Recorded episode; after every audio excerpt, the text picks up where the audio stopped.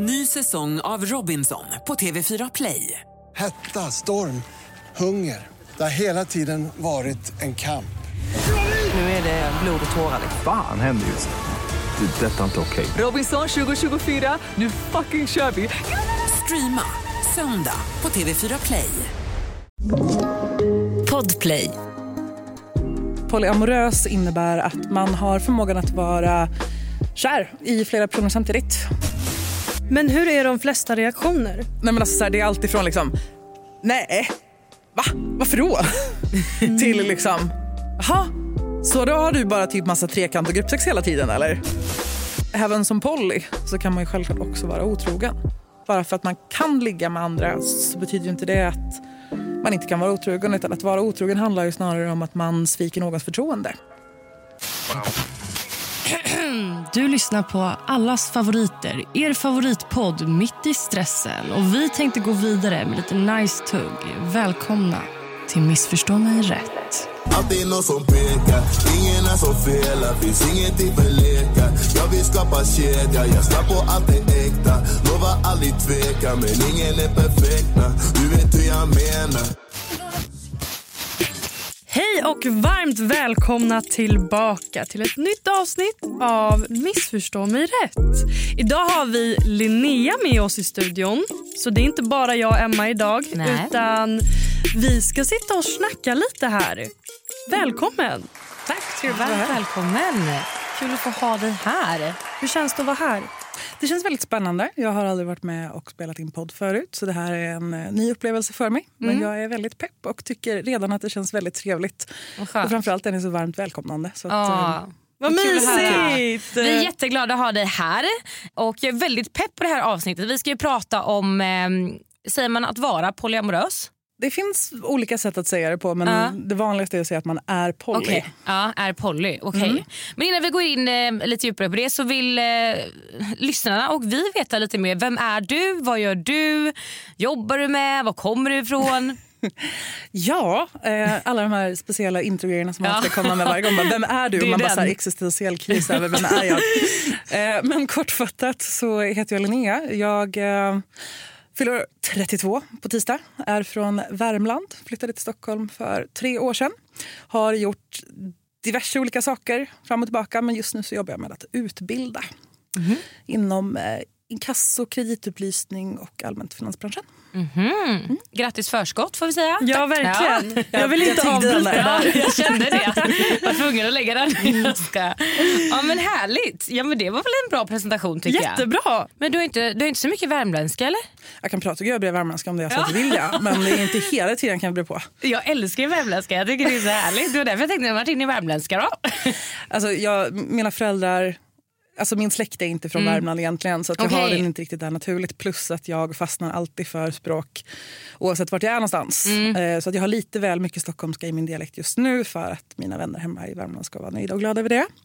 Fattar. Men det går kämpegrejt för jag har bott i Norge i fyra år också, så jag snackar norsk. Jag har också bott i Norge. Ja, men kämpegrejt. Jag är i Oslo vet I du. Oslo är jag Ja. bodde i uh, Jessheim eh, Okej. och Oslo. Då. Jag jobbar på um, Gardermoen. Åh ja, så deilig. Ja. Kul. Kämpekul! Kämpekul.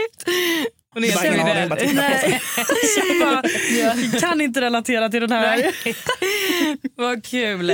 Vad, vad roligt för att det är faktiskt så här, på tal om det här du sa att, eh, att din dialekt försvinner lite när man har varit i Stockholm. Jag har så många som påpekar det eh, när jag kommer hem ibland för jag är från Varberg så jag har ganska mycket göteborgska. Att när jag kommer hem att de bara, "Jag hör att du har lite stockholmska i din dialekt. Att man tar efter efter ett tag. Ja. Ja, man gör Det. Man gör man det. Ja, blir som en umgås. Hon brukar säga. Det är det som händer. Men eh, Linnea, du är ju, eh, alltså nu vet inte jag riktigt hur man säger, men polyamorös. Eller poly. För att vara helt korrekt så Ja. ehm, är jag poly slash RA. eh, vilket innebär att poly är ett paraplybegrepp för polyamorös, polysexuell. Eh, så poly och relationsanarki även då, som RA står för. Okej. Ehm, så att det beror lite på, jag brukar använda de olika definitionerna beroende på hur insatt personen i fråga jag pratar med är. Eh, för på samma sätt så brukar jag också säga att jag är ehm, bisexuell eller pansexuell. Bi slash pan. Okej. För de som vet vad pan är för någonting så vet de att jag är pan och för de som inte vet vad pan är så vet de i alla fall oftast vad bisexuell är. Mm, mm. Och därför så blir det också mycket lättare att säga att jag är poly eller eh, poly slash RA. Okej. Right. Men kan du berätta lite vad det innebär liksom att, att vara det? För att jag ser ju typ polyamorös, polygami och öppet förhållande, allt det här som typ samma. Men jag har ju googlat lite såklart innan du skulle komma hit och jag har ju verkligen helt fel bild av hur, hur det är och, och vad det står för riktigt. Fast det fina är att man kan ju verkligen definiera på väldigt många olika sätt. Mm. Och det är därför som generellt sett bland mig och mina vänner som också är poly eh, använder vi just begreppet poly istället för att det är paraplybegreppet. Mm. För att polyamorös innebär att man har förmågan att vara kär i flera personer samtidigt. Eh, Medan polysexuell innebär att man kan vara sexuellt attraherad av flera personer samtidigt och faktiskt leva ut det på ett Mm. sätt. Medan relationsanarki innebär att man inte sätter etiketter så som exempelvis pojkvän, flickvän på den man umgås med, dejtar, ligger med och så vidare. Utan det är snarare det här är en bra människa. Och så behöver man inte specificera noggrannare med vad man faktiskt egentligen gör tillsammans. Så. Okej.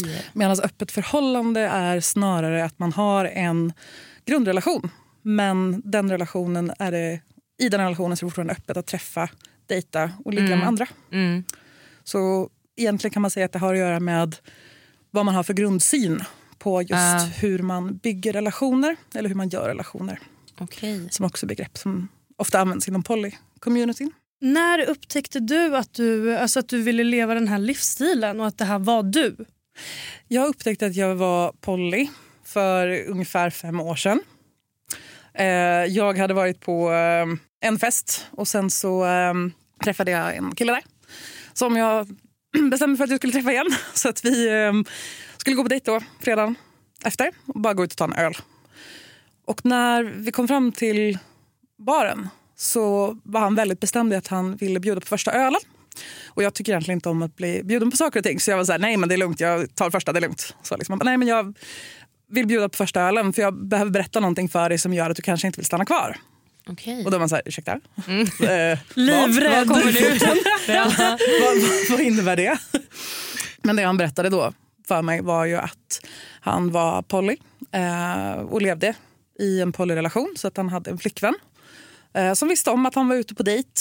Eh, var väldigt pepp för hans skull och hade hjälpt honom att välja vad han skulle ha på sig. Eh, och lite sådana, sådana gulliga saker. Liksom. Eh, men också att det var så här helt okej om jag skulle vilja ringa och dubbelkolla att det verkligen är okej. Eh, för det, alltså, bara för att verkligen göra mig så bekväm som möjligt med Mm. att det verkligen är okej men det här är så jag lever och vad det är för relation jag har. Så du ringde upp henne? Nej, det gjorde jag faktiskt Nej. inte. Nej. Ehm, utan jag sa såna här, eh, kan du bara utan att döma mig överhuvudtaget bara sitta still här och vänta medan jag går ut och tar en cigg. Och så gick jag ut, tog en cigg, googlade lite och bara så här, jag är också poly. Ja. Det är det här jag är. Och då var det som att det bara föll så väldigt många bitar på plats. Men var det för att du typ inte hade hört begreppet Ja. innan? Ja. Alltså för i tvåsamhetsnormen eller monogami så är det ju så oerhört starkt att man faktiskt bara ska ha en samtidigt. En partner. Ehm, att allt ska bara vara två. Och det har liksom aldrig varit ett alternativ för mig tidigare i mina relationer att faktiskt man kan ju ha flera relationer samtidigt. Mm. Att inte vara bunden typ, till Precis. bara en och samma. att jag har alltså, tidigare i mitt liv haft väldigt starka känslor och varit kär i flera personer samtidigt. Men jag har aldrig haft möjlighet att leva ute för att jag visste inte att det alternativet fanns.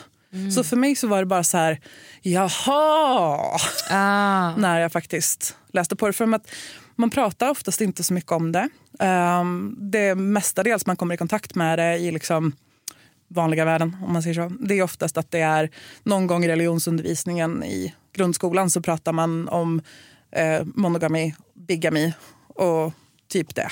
Eh, och att inom islam så kan man ha månggifte.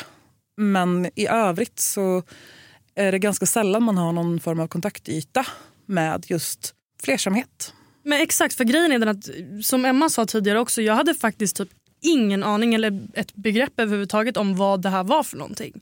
Mm. Alltså faktiskt. Jag har typ Nej. aldrig hört det innan på det sättet så att man ens har reflekterat över, över det. Mm. Ja, men det är det. Det Alltså, inte upp. Nej, Nej. Alltså man är ju van vid att höra det här med monogami och vara monogam och det här som du pratade om. Liksom. Det har man ju ändå hört alltså, några gånger och ändå vet vad det är. Eh, men just det här har ändå... Fast knappt det enligt mig. Nej, alltså, det enda inte man min, vet är väl inte att... inför mig i alla fall. Alltså, Nej. så här, äh, Det enda jag har vetat är väl typ att, så här, att det ska vara då att det är en tjej och en tjej eller en kille och kille eller tjej och kille. Liksom. Att det ska vara bara ett, ett par. Liksom, i- Å andra sidan så är jag väldigt övertygad om att ni har hört talas de gångerna när tvåsamhetsnormen inte funkar. Det är exempelvis otrohet. Ja, ja. Ja, Mhm. ja, Så. exakt, exakt. Men man pratar ju aldrig om att det faktiskt skulle vara ett alternativ att vara flera. Men däremot så finns det historiskt sett väldigt mycket eh, belägg för att alltså så här, flersamhet har varit en ganska stor grej under väldigt lång tid. Mm. Exempelvis i Norden så var det ganska vanligt att eh, kungar hade ett eh, vänsterhandsäktenskap.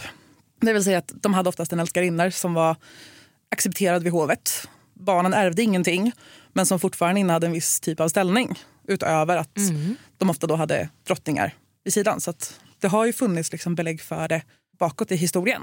Eh, Det är mest i västvärlden som vi har tvåsamhetsnormen. Mm, det är sant nu när du säger det faktiskt. Det här med älskarinna. Fast att man har, det har jag inte tänkt på på det sättet faktiskt. För nu när du säger det egentligen. Men man, alltså man är ju så himla inne i normerna av Ja. alltså hur det ska vara och vara uppbyggt i samhället. Så att man är ju väldigt, väldigt typ, alltså tunnel vision där.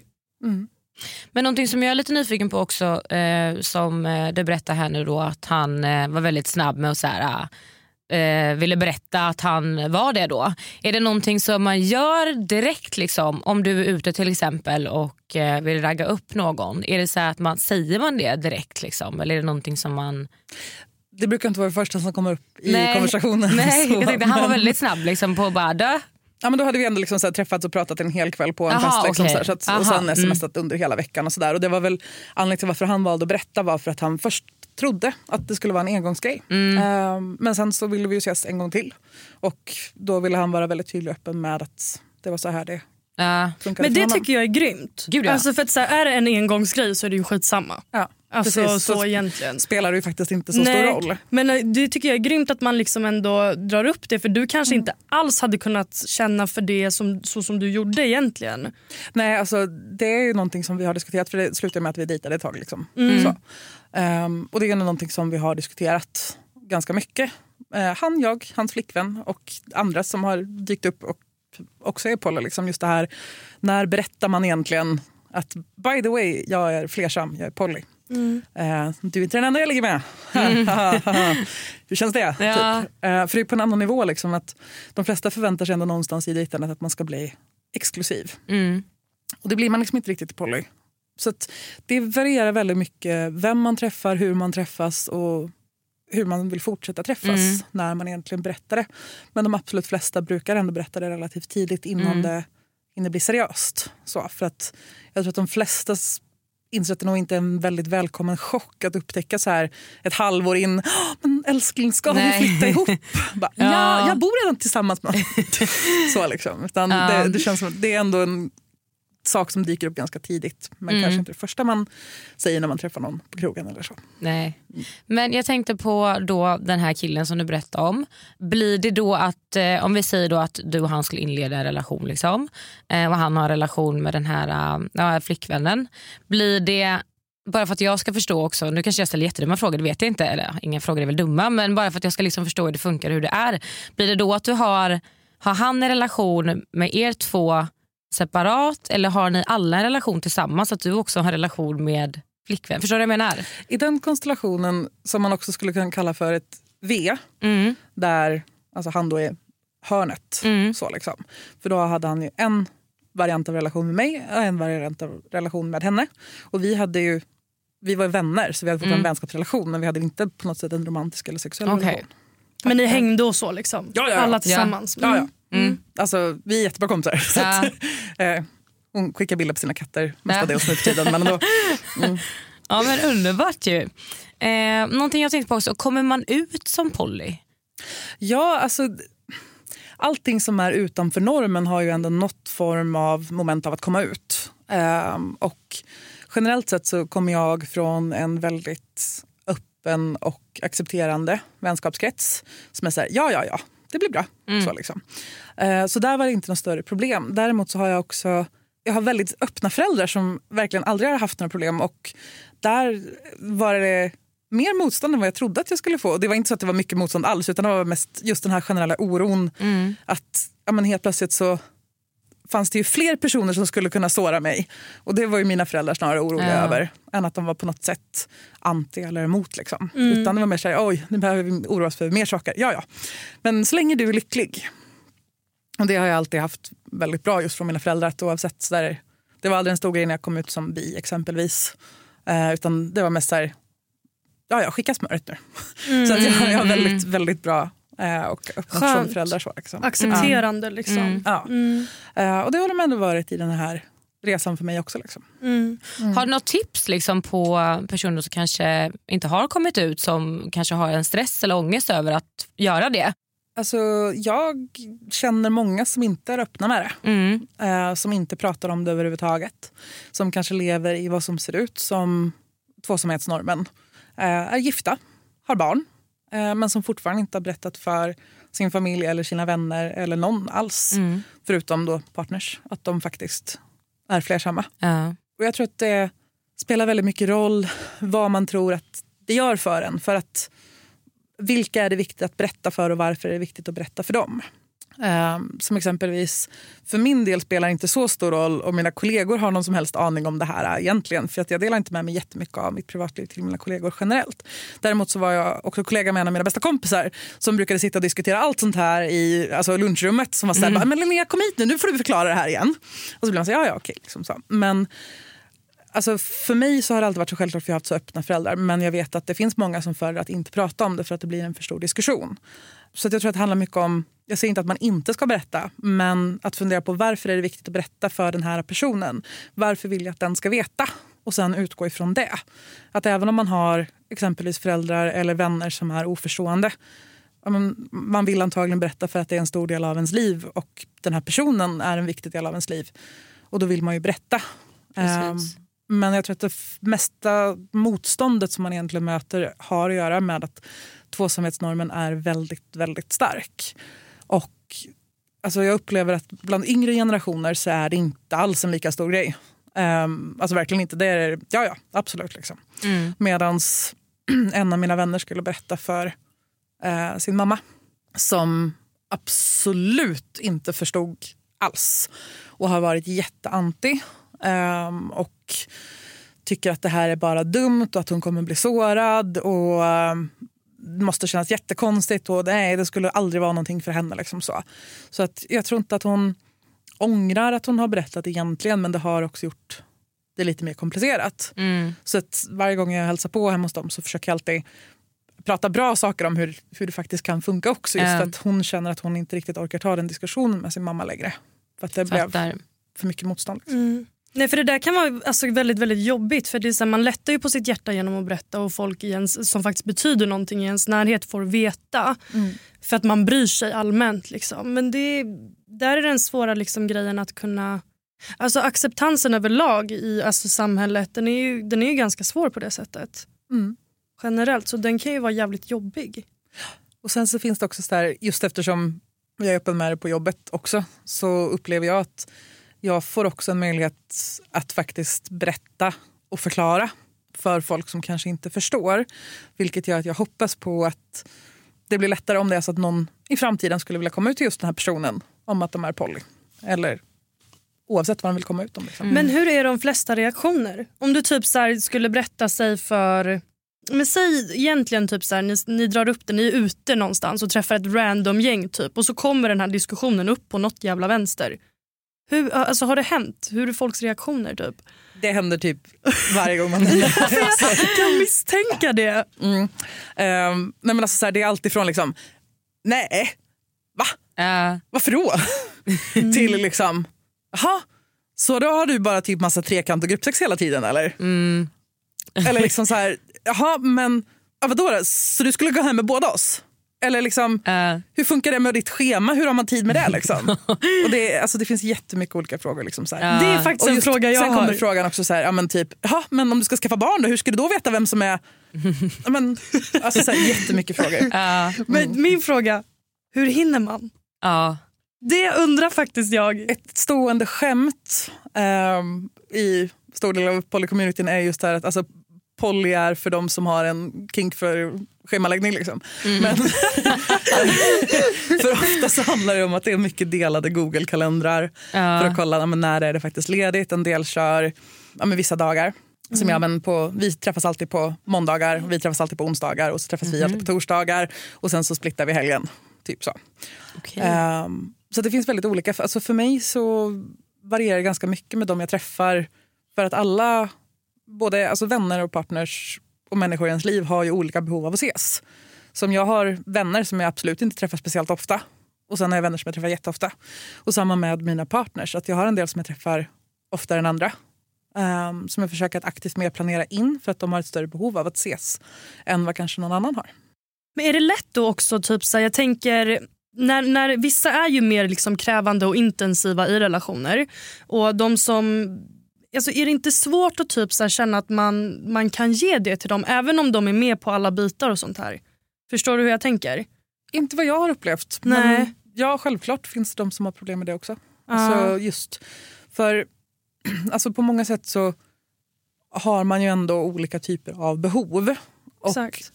samtidigt i en tvåsamhetsnorm, om man bara har en partner så är det ju mindre sannolikt att en partner kan tillgodose alla de behoven. Och Det är det som jag tycker är så fint med just att vara poly. För att du behöver inte gå till en person för att prata om just den biten. Som två av mina partners är alltså tillsammans med varandra. Där den ena är väldigt kreativ och vill få utlopp på den biten. Så att vi har den typen av relation gemensamt. att alltså så här, Vi kan prata om den typen av grejer och vi öppna utåtriktade. Medan då den andra är lite mer tillbakadragen, lite mer logisk och analytisk. Och vi har lite mer diskussioner om kanske lite mer seriösa ämnen. Och de två kompletterar varandra jättebra. Men jag finns fortfarande där och kan möta båda två. Liksom. Så att där blir det ju att man möter allas behov gemensamt. Liksom. Exakt, för det var faktiskt den andra saken jag tänkte fråga om. Att så här, man har ju liksom olika relationer till, till de olika partnerserna. Men då är det så här, du kanske har en djupare relation alltså med typ så här, alltså samtalsämnen då, med ena personen som du säger. Och sen så kanske att det liksom, ni pratar om kreativa saker där, att man är lite mer konstnärlig. Det är jävligt intressant. Jag menar, du går väl inte till en och samma kompis för exakt samma utbyte? Nej. Det fina är att man också kan göra det nu med människor som man är kär i. Tada!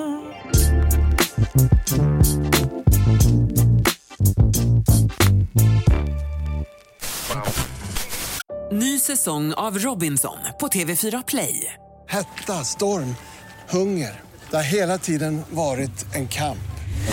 Nu är det blod och tårar. Fan händer just nu. Det. är Detta är inte okej. Robinson 2024, nu fucking kör vi! Streama söndag på TV4 Play. Ett poddtips från Podplay. I podden Något Kaiko garanterar östgötarna Brutti och jag, Davva, dig en stor dos skratt. Där följer jag pladask för köttätandet igen. Man är lite som en jävla vampyr. Man har fått lite blodsmak och då måste man ha mer. Udda spaningar, fängslande anekdoter och en och annan arg rant. Jag måste ha mitt kaffe på morgonen för annars är jag ingen trevlig människa. Då är du ingen trevlig människa, punkt. Något Kaiko, hör du på Podplay. Därför är gardinerna.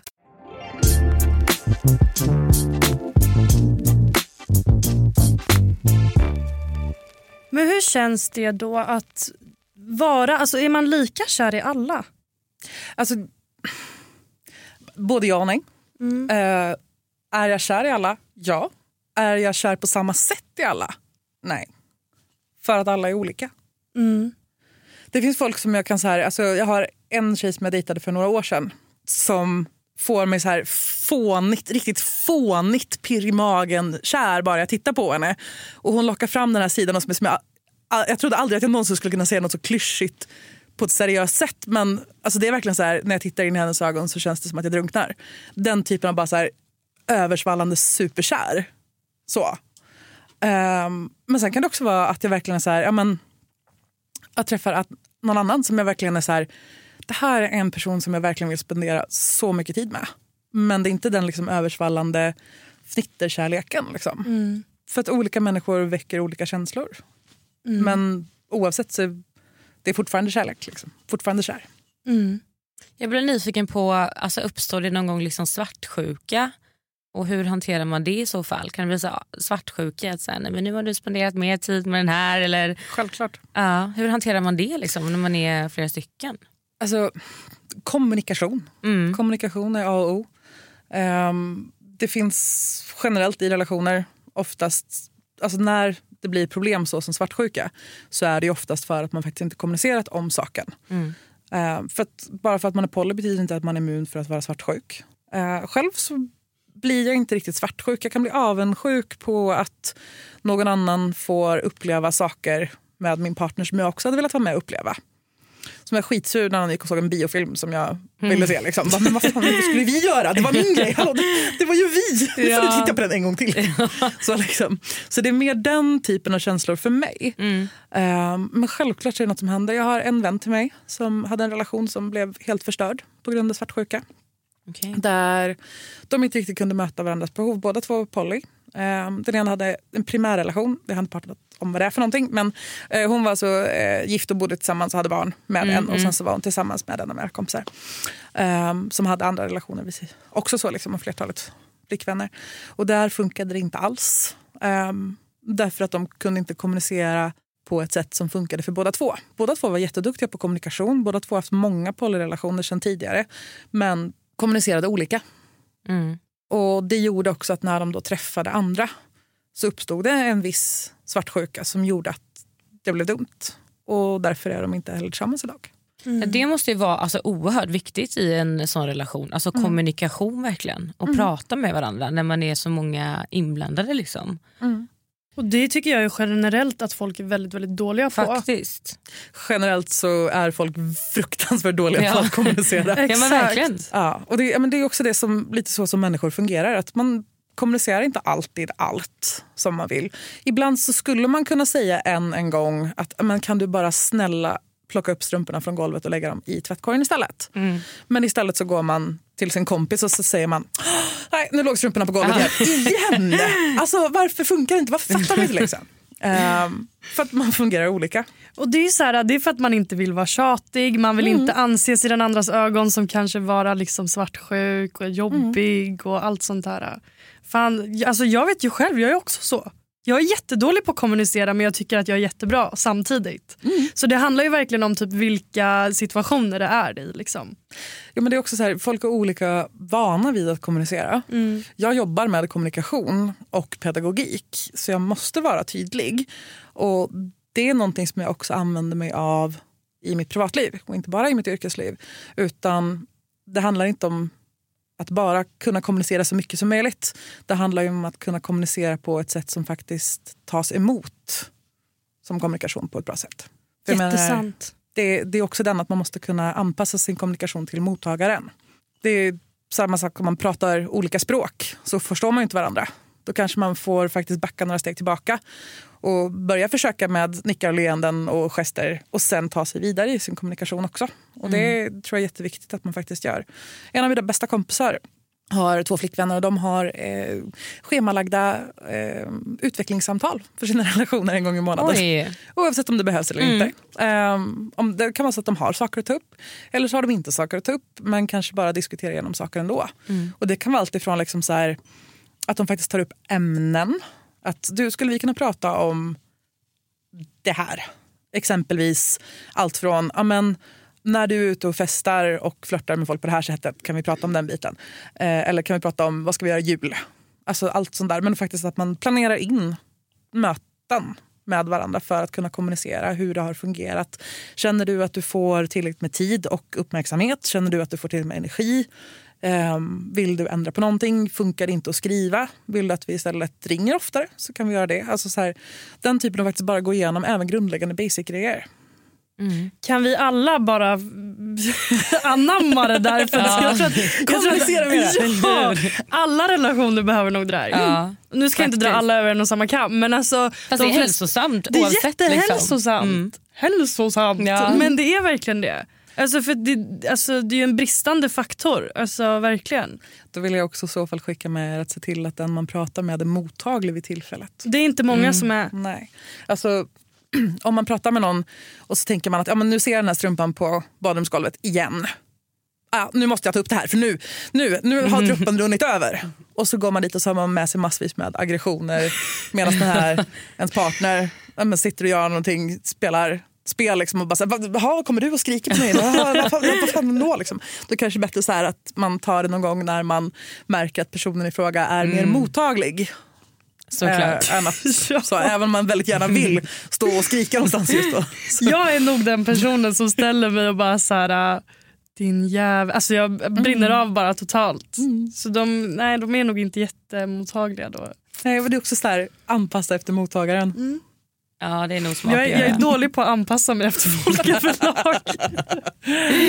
Men jag får jobba på den, exakt, jag får jobba på den biten.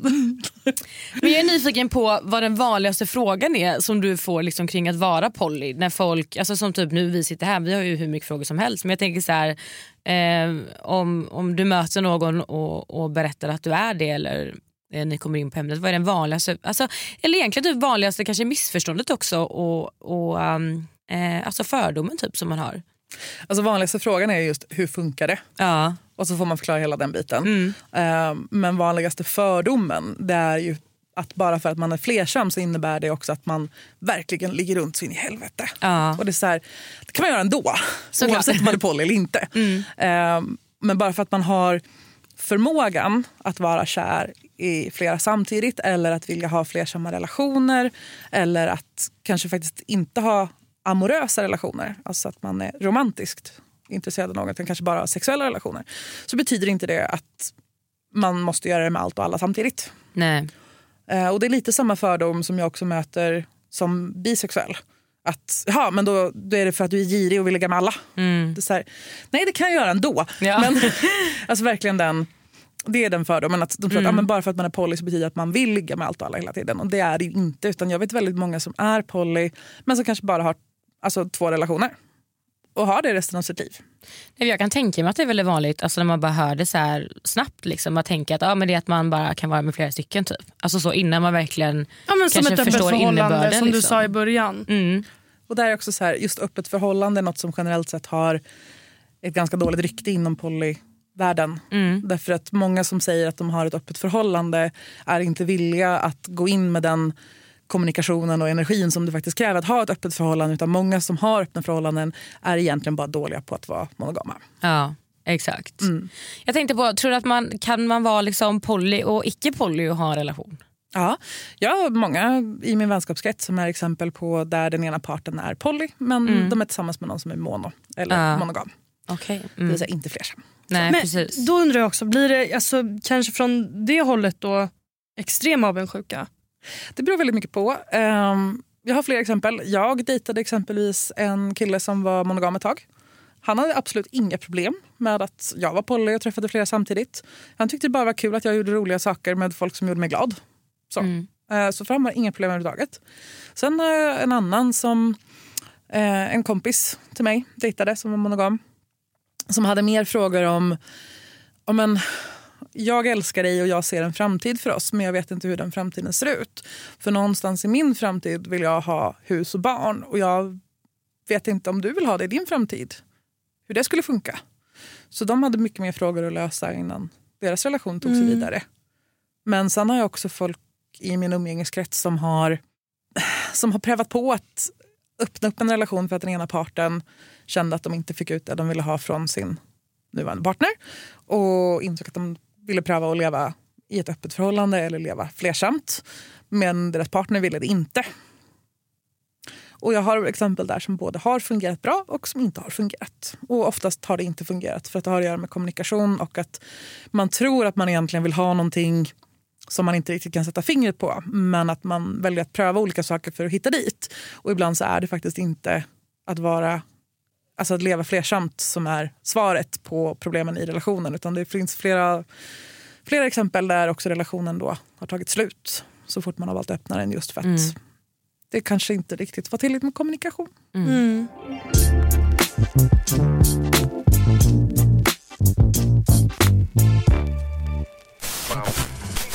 Ny säsong av Robinson på TV4 Play. Hetta, storm, hunger. Det har hela tiden varit en kamp.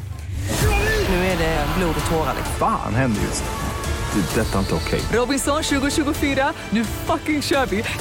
Streama söndag på TV4 Play. Ett poddtips från Podplay. I podden Något Kaiko garanterar östgötarna Brutti och jag, Davva, dig en stor dos skratt. Där följer jag pladask för köttätandet igen. Man är lite som en jävla vampyr. Man har fått lite blodsmak och då måste man ha mer. Udda spaningar, fängslande anekdoter och en och annan arg rant. Jag måste ha mitt kaffe på morgonen för annars är jag ingen trevlig människa. Då är du ingen trevlig människa, punkt. Något Kaiko, hör du på Podplay. Därför är gardinerna.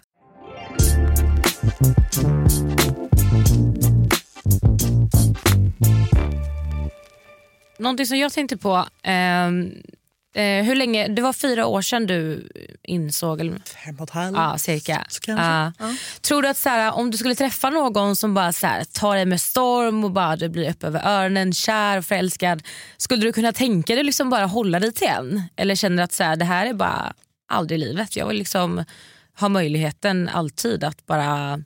Alltså, det har Alltså, ju hänt mig flera gånger hittills så jag är fortfarande Ja. poly. Så att, Ja. ja. Okej då. men okej Så då. att- Ja. ja, eh, det kan fortfarande vara så att jag träffar någon, blir hur förälskad som helst men fortfarande vill leva poly. Mm, fattar. Fattar. att, alltså, att vara poly är någonting som man är Mm. men man kan också välja att leva poly. Precis. Och att välja att leva i en monogam relation. Mm. Så jag har vänner som också har gått från att leva i polyrelationer men som har kommit fram till att det kanske inte funkar för att det blir för mycket svartsjuka eller kanske känner sig utanför. För utanförskap blir också en grej i många polyrelationer Mm. som gör att de väljer att istället leva monogama fast de fortfarande är poly. Precis. För jag tänker, ehm, ser du alltså en framtid med typ, eller du har inga barn? Jag har inga barn men beroende på hur man ser det så har jag en så här fem, sex bonusbarn. Ja det har Mm, du. det finns gott om barn i bilden. Ja, det gör det. Men vill du ha egna barn? Alltså, jag lovade mig själv när jag var 12 att jag inte skulle tänka på huruvida jag ville ha egna barn eller inte förrän jag var 30. Eh, och det funkade jättebra, men nu har jag fyllt 30 och nu vet jag inte riktigt. Nej. Jag har inte bestämt mig än. Nej. Nej. Behöver man inte heller. Nej det behöver man inte. Nej, alltså så här, det är ingenting som jag har direkt så här, någon superstark längtan av, men inte heller någonting som jag uteslutit. Och jag tror att skulle jag träffa någon som ville ha barn med mig, eh, där alltså det skulle på något sätt vara kompatibelt att jag skulle vara mamma. Liksom. Så alltså, jag, jag har inte uteslutit det. Jag är öppen för förslag, men då ska jag träffa rätt person också. Mm. Mm. Och hittills har jag inte träffat någon jag vill skaffa barn med. Så att, Så det är så? ja. Mm. Någonting som jag eh, eh, tänkte på eh, är så här, när man har ett, ett polyförhållande. Eh, alltså finns det liksom, nu är det så här, det är klart att det är säkert jätteindividuellt liksom, att man, man bestämmer lite själv hur man vill att det ska vara och inte vara. Men finns det liksom så här, sätter man upp regler liksom för att verkligen få det att funka med alla parter eller finns det några specifika liksom, alltså regler för ett polyförhållande? Det finns jättemycket regler. Eh, Vad skulle du säga att det finns för regler för ett monoförhållande? Ehm. jag vet inte, Nej, jag vet inte hur man... Nej, man alltså, alltså generellt sett i en monorelation så handlar det om att eh, man har någon form av, oftast inte ens uttalad premiss att man inte ligger med andra. Precis. Eh, sen vart gränsen för det här går, går det, en del tycker att det går vid att faktiskt ligga med varandra, en del tycker att det går vid kyssar, en del tycker att det går vid pussar på kinden, en del är helt okej med att någon fyllehånglar hur mycket som helst. Mm. Alltså så här, det finns ju olika variationer och det beror väldigt mycket på vad det är för relation. Alla relation, relationer är eh, olika och individuella, unika. Mm. Eh, däremot så finns det generellt även regler inom porrrelationer.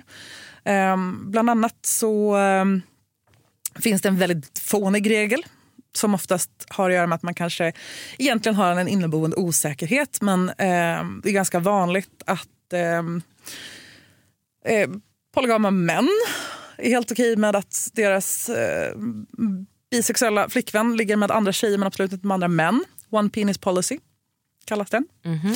Ehm, för det är inte på riktigt om man bara ligger med en annan kvinna. Liksom. Okej. Mhm. Ehm, Det är ju lite sexigt. Så.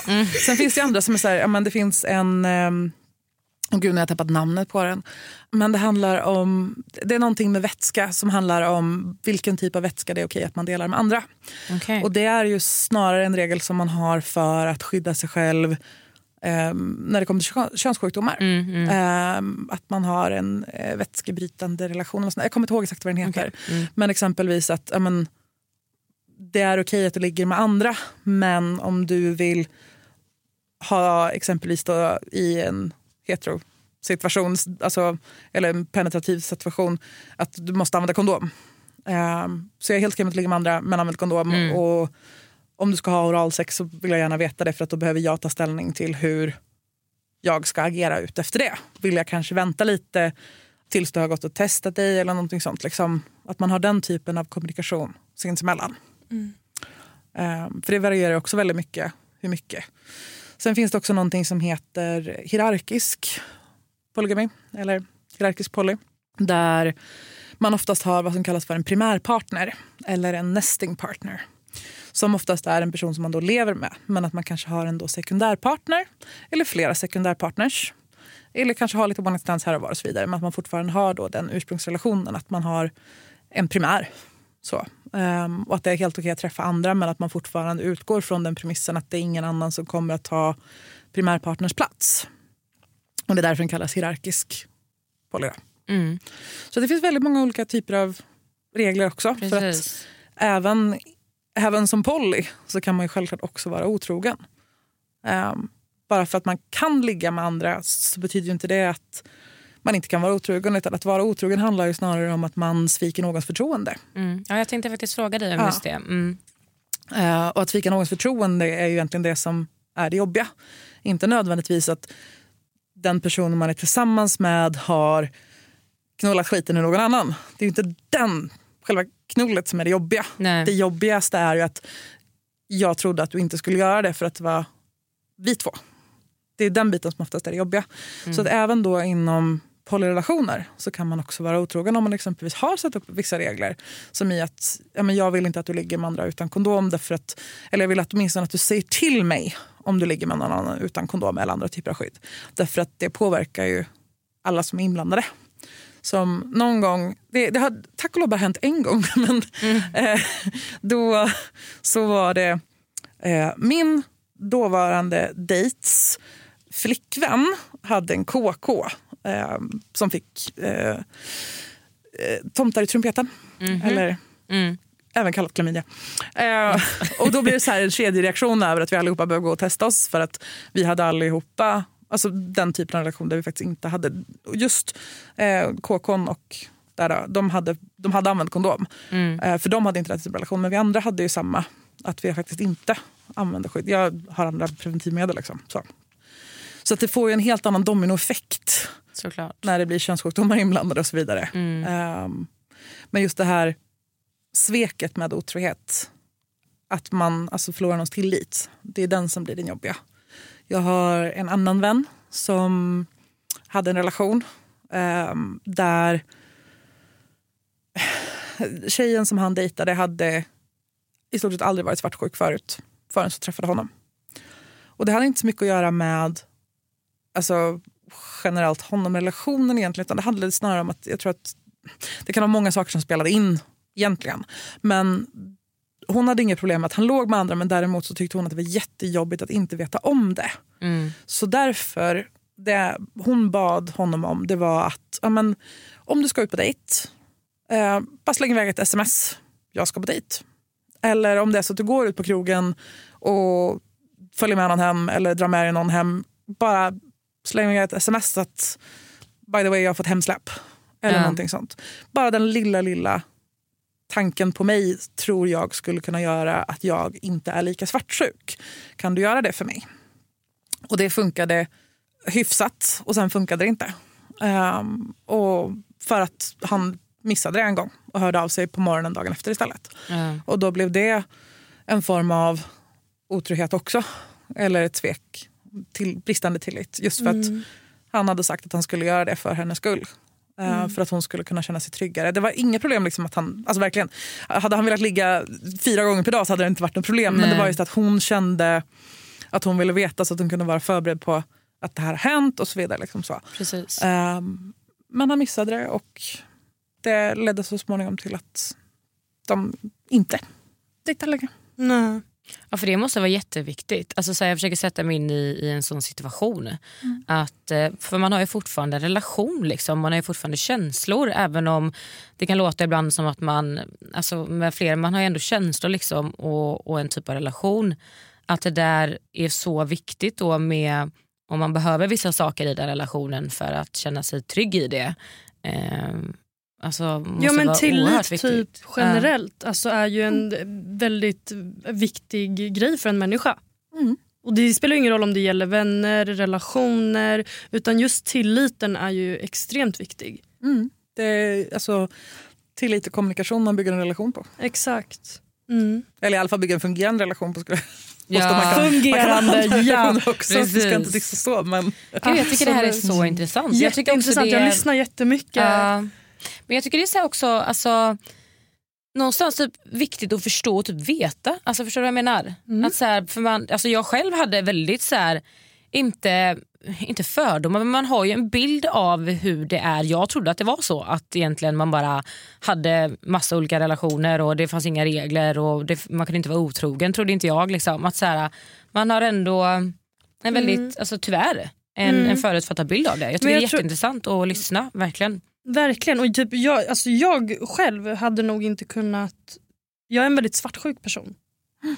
Eh, har jag valt att acceptera. Men jag jobbar på det. Ja. Men ehm, jag hade absolut inte kunnat liksom vara Polly. Faktiskt. Utan jag tror att det hade tagit för mycket på mitt hjärta. Mm. I såna, alltså just i de situationerna. Men man har, alltså jag, när man sitter så här och diskuterar så förstår jag ju. På ett helt annat sätt. Jag har eh, två vänner som öppnade sin relation. Mm. Ehm, där den ena träffade en annan som han blev kär i.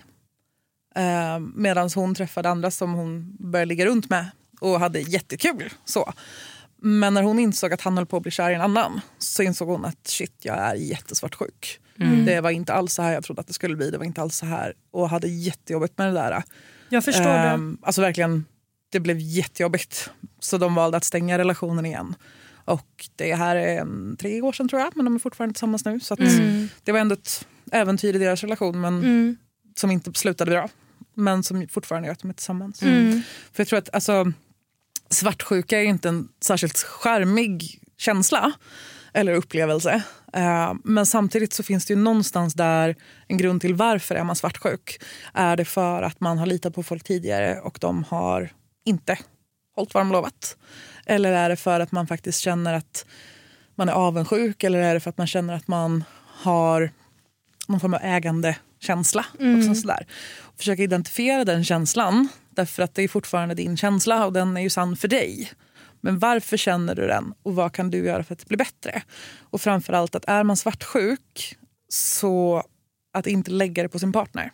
Om de inte alltså så här, uppenbarligen gör saker som gör en svartsjuk fast man har sagt att jag har problem med det här. Liksom. Om, om man ska säga att ja, men, vi är i en monogam relation, jag vill inte att du träffar andra om man går och träffar andra. Jo men då absolut, då är det någonting som är dumt och galet. Liksom. Men, men om man är tillsammans med en partner som vill vara tillsammans med en själv och ha en fungerande relation så tror jag att det är väldigt viktigt att man faktiskt diskuterar igenom vad är det som gör att jag blir svartsjuk. Ja, men är det att jag tycker att det är jobbigt att du smsar med andra? Okej, vad är det som är jobbigt med det? Är det att jag är rädd att du ska smsa och sexta? Eller är det att jag är rädd att du ska träffa någon annan, att du berättar saker för den personen som jag önskar att du hade förtroende för mig istället att berätta? Vad är det som är anledningen till svartsjukan och hur kan man jobba på det? Mm. För det här är också en sån grej som är väldigt viktig generellt i relationer tror jag på. Att, att man tar ansvar för sina egna känslor men också att man försöker komma på lösningar till hur man själv kan göra dem bättre. Och förhoppningsvis har man en partner som vill hjälpa en med det. Eh, som exempelvis då den relation jag berättade om, om att skicka ett sms innan man ligger med någon annan. Det var någonting som han först tyckte var jättejobbigt. Därför att för honom så var det ju en inskränkande grej. Men egentligen, alltså så här, för det blev liksom som att det var något som kostade honom i frihet. Men egentligen så handlar det om att men, han gör det ju för henne för att hon ska må bra. Och det tar 30 sekunder. Så där någonstans blev det liksom 30 sekunder en gång i veckan funkade inte att lägga på henne. Och då var det ju det något som gjorde att relationen istället Exakt. sabbade sig. Mm. Så. Mm. så vad är det som är anledningen till att man är svartsjuk? Vad kan man göra åt saken? Och hur kan ens partner inom rimliga mått hjälpa en? Mm. Precis. Jag tror att man måste jobba väldigt mycket på sig själv där i typ så här, äh, kanske inse som du sa innan, varför är jag svartsjuk? Mm. Och det är som, som du diskuterade nu att det finns så stora liksom, olika alltså, anledningar. Mm. Och eh, alltså För vissa är det så här att bli lämnad av någon man älskar. Mm. Eh, för att man känner sig osäker och inte vill ha den hjärtesorgen man kanske gått igenom innan. Olika trauman typ i livet som kanske har satt dem på de punkterna. Liksom. Mm. Men det, alltså, generellt så tror jag att många behöver jobba på det. Mm. För det är inte heller, behöver ju inte vara liksom en brist på att man inte har någon självkänsla. eller så. Man kan ha skitbra självkänsla men bara inte känna sig trygg. Ja, precis. Jag var tillsammans med en kille som eh, psykiskt misshandlade mig i flera år. Eh, som gjort att jag har en hel del trauman. Jag fick PTSD efteråt och massa spännande roliga saker, ångest och shit. Men nu mår jag bra. Men jag har fortfarande relationsmönster, beteendemönster i relationer som jag vet inte är hälsosamma. För jag vet vart de kommer ifrån och de kommer från just den här perioden i mitt liv. Ehm, men jag försöker också att identifiera dem göra någonting åt dem. Exakt. Jag tror att det är extremt viktigt att man faktiskt typ så här, inser sina egna brister. Och Det behöver inte ens vara en brist egentligen utan det är bara en, en känsla man måste faktiskt kunna typ så här, förstå och kunna gå igenom och ta sig igenom själv. För den som mår sämst i situationen är ju du. Och Mm. sen så lägger man över det på en partner eller flera. Och jag tror att det är viktigt att oavsett... Vill man vara lycklig så är det en bra grej att jobba på sig själv. Exakt. Ja. Men lite så som du pratade om innan då, typ så att ehm, ja, men du kände att eh, den här personen skulle jag göra det här med. Och så gör de det med någon annan. Jag hade känt mig så... jag hade bara... "Ah." Ja, Ja. men det är så här... Det, det är det jag menar med att jag brukar inte bli svartsjuk, jag brukar snarare bli avundsjuk. Liksom. Just för att, ja, men, avundsjuk på upplevelser. Mm. Ehm, just för ja, men det, det är en person som man blir glad av ens partner och man vill ju göra saker med den partnern. Och så vill man gärna göra saker som att det här var våran grej. Och nu slår jag i mikrofonen. Det är typ tredje gången. Men, Nej, men alltså så här, man vill ju göra saker tillsammans och uppleva saker tillsammans. Och det blir också liksom så här, när den gör det med någon annan, beroende på vad det är på för nivå, så kan det ju kännas olika mycket. Liksom, sådär. Jag har inte jättemycket problem med att någon av mina partners går på bio med en annan. Men nåder dem om de går och kollar på Star Wars. Utan, alltså nej, då får de gå och kolla en gång till. Okej, men i, i den eh, samma fråga då egentligen. Vad Mm. brukar ni typ så här, om du har en relation eh, men du vill göra samma sak med de två olika personerna. Brukar ni typ kanske gå på en trippeldejt eller någonting då? Alltså, det har varierat lite grann. Mm. Ehm, det har hänt att jag har gått på grejer med två personer som är dejtat samtidigt. Liksom. Ehm, och ibland händer det att jag kanske pratar med dem om vem jag gör det med istället. Eller så kanske jag gör så att det skulle ändå bara bli tjafs så jag kanske går med en kompis istället. Så. Det beror ju väldigt, väldigt mycket på vad det är för någonting och så vidare. Bara för att jag vill göra saker och då kanske då är två personer som vill göra. Som nu exempelvis nya Bondfilmen. Eh, det är två av mina partners som vill gå och kolla på den tillsammans. Eh, och har frågat mig båda två som är så här, ja men nya Bondfilmen kanske, filmkväll, bio, mys. Man så här, ja, eh, fast jag har lovat att jag ska se den där och så blir det ledsen att jag skulle se den med någon annan. Och så det så här, eh, nej jag tror jag ska gå och se den med min bästis. Vi kan gå på en annan film, det blir bra. Så. Jag är nyfiken på hur ser ditt kärleksliv ut idag? Ja, eh, det undrar min mamma ständigt också. Eh, ja, Okej, det, lät, det, det lät värre än vad jag menade. Nej, jag, jag har sen, sen ungefär eh, ja, men, fyra, fem år någon form av relation tillsammans med ett par som är gifta med varandra och har barn. Eh, sen har jag också en relation med eh, en kille som jag träffar, inte jätteofta för nu har det varit pandemi, liksom så, men vi har fortfarande uttalat partnerskap. Så. Ehm, och han har en eh, partner som bor i kollektiv med en annan tjej som jag dejtar också. Så, så att vi hade faktiskt eh, filmkväll igår, i helt gäng. Liksom, så, Ja. Men, ja. eh, så att jag, eh, ja, fyra personer finns det väl mer etablerat i mitt liv just nu. Härligt. Vad har du haft som mest? Fem samtidigt. så. Men det blir lite jobbigt med schemaläggningen. Ja, jag förstår det. Jag bara herregud. Alltså, Nej, det var ett långdistansförhållande och så har jag, alltså sen när det inte är pandemi så har jag ganska aktivt socialt liv.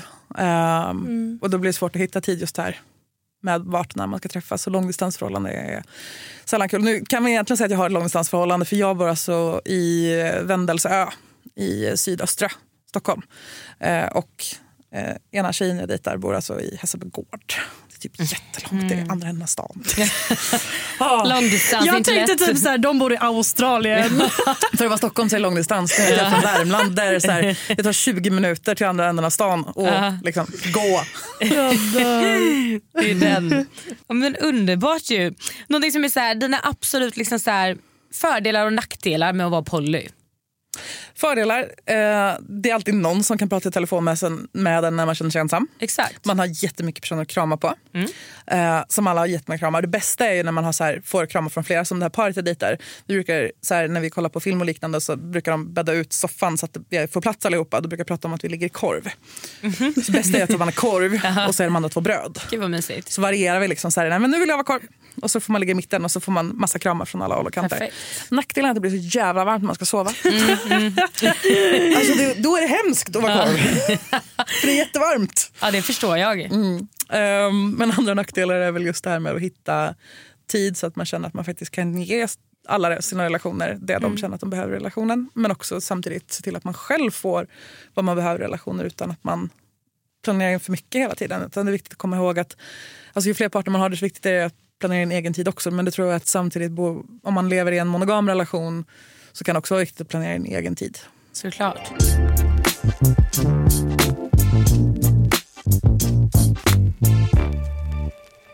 Jag tycker det här var ett väldigt väldigt intressant avsnitt. Jätteintressant. Ja. Och jag har haft jätteroligt. Jag Vad med. bra, jag med. Jättekul. Alltså väldigt typ så här, äh, taget avsnitt. Alltså Mm. så att jag blev tagen av det.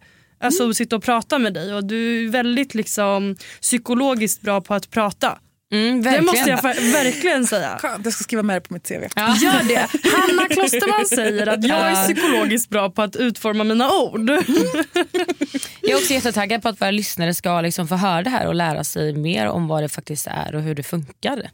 Jag är jätteglad att jag har fått lära mig mer om det och, och är lite mer insatt liksom, i vad det är faktiskt. Så vi är jätteglada att du ville komma hit och gästa oss och att vi fick ta din podd-oskuld här på Bauer Media. Jätteroligt att ha varit med.